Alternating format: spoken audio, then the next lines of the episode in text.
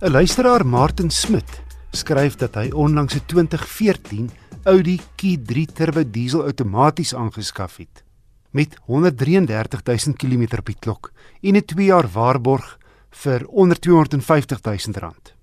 Ek ry gemiddeld 15000 km per jaar, skryf hy, en sal oor so 4 jaar by 190000 km uitkom wanneer hy die voertuig sal wil inruil vir 'n nuwer Audi.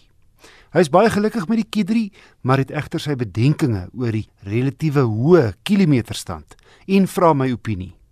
Wel Martin, daar is intussen al 'n nuwe Q3 uit, maar jy het 'n luukse premium voertuig gekoop teen 'n goeie prys.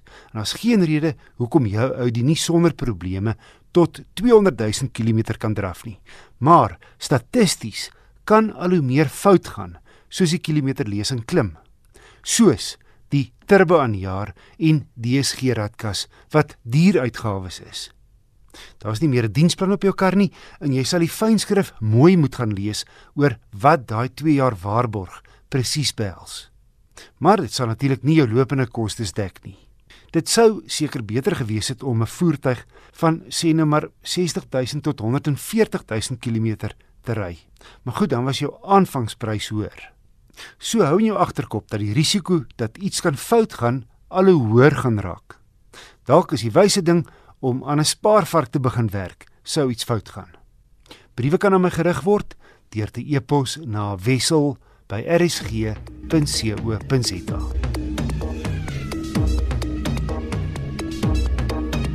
Die e-Pace is Jaguar se kleinste sportnuts en ding in die gewilde kompakte premium klas mee teen waans soos die Volvo XC40, Range Rover Evoque, Mercedes GLA en BMW X2. Die E-Pace is opvallend aantreklik en lyk atleties met hoë bultende agtersteewe. Die reeks kom met 'n 2 liter turbo petrol of turbo diesel. Ek het die petrol gery, die P250. En die P staan vir petrol, die 250 vir die hoeveelheid perdekrag wat hy uitstoot, die eenheid wat die Britte steeds gebruik is gelyk aan 183 kW en 365 Nm wrinkrag, gekoppel aan 'n 9-spoed outokas.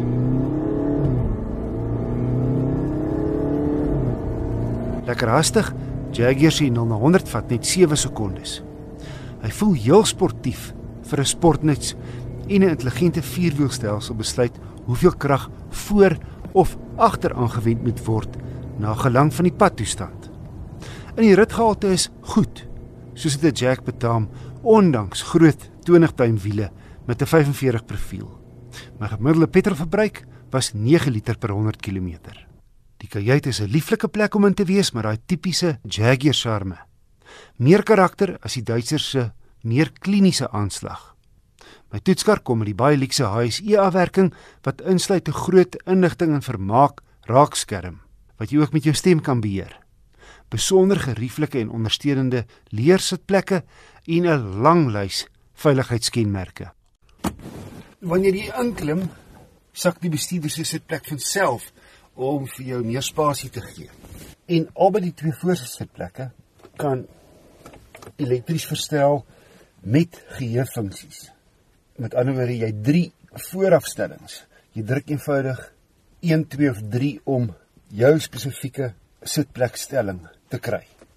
En reg deur die kajuit word jy met leer begroet wat mooi met sulke wit streepies afgestik is. En van die ander dinge wat die HSE model bied is 'n dak agter wat outomaties met die druk van 'n knop of 'n knop op die sleutel oopmaak.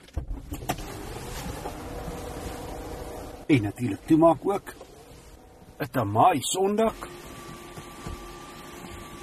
en 'n uitstekende klankstelsel.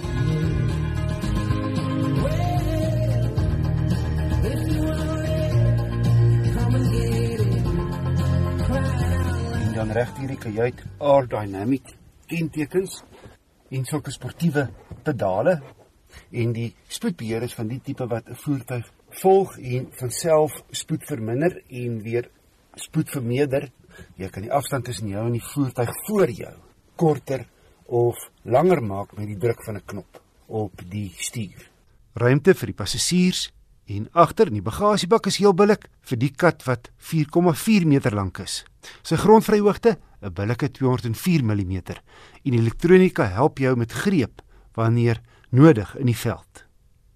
Die reeks begin net oor die 700 000, maar hierdie P250 HSE R Dynamic model kos 'n volle 200 000 meer teen 909800 rand. So hierdie baie elegante en stylvolle topmodel is duur. Maar hy staan daartoe gerus met kenmerke wat dikwels duur opsies by mededingers is.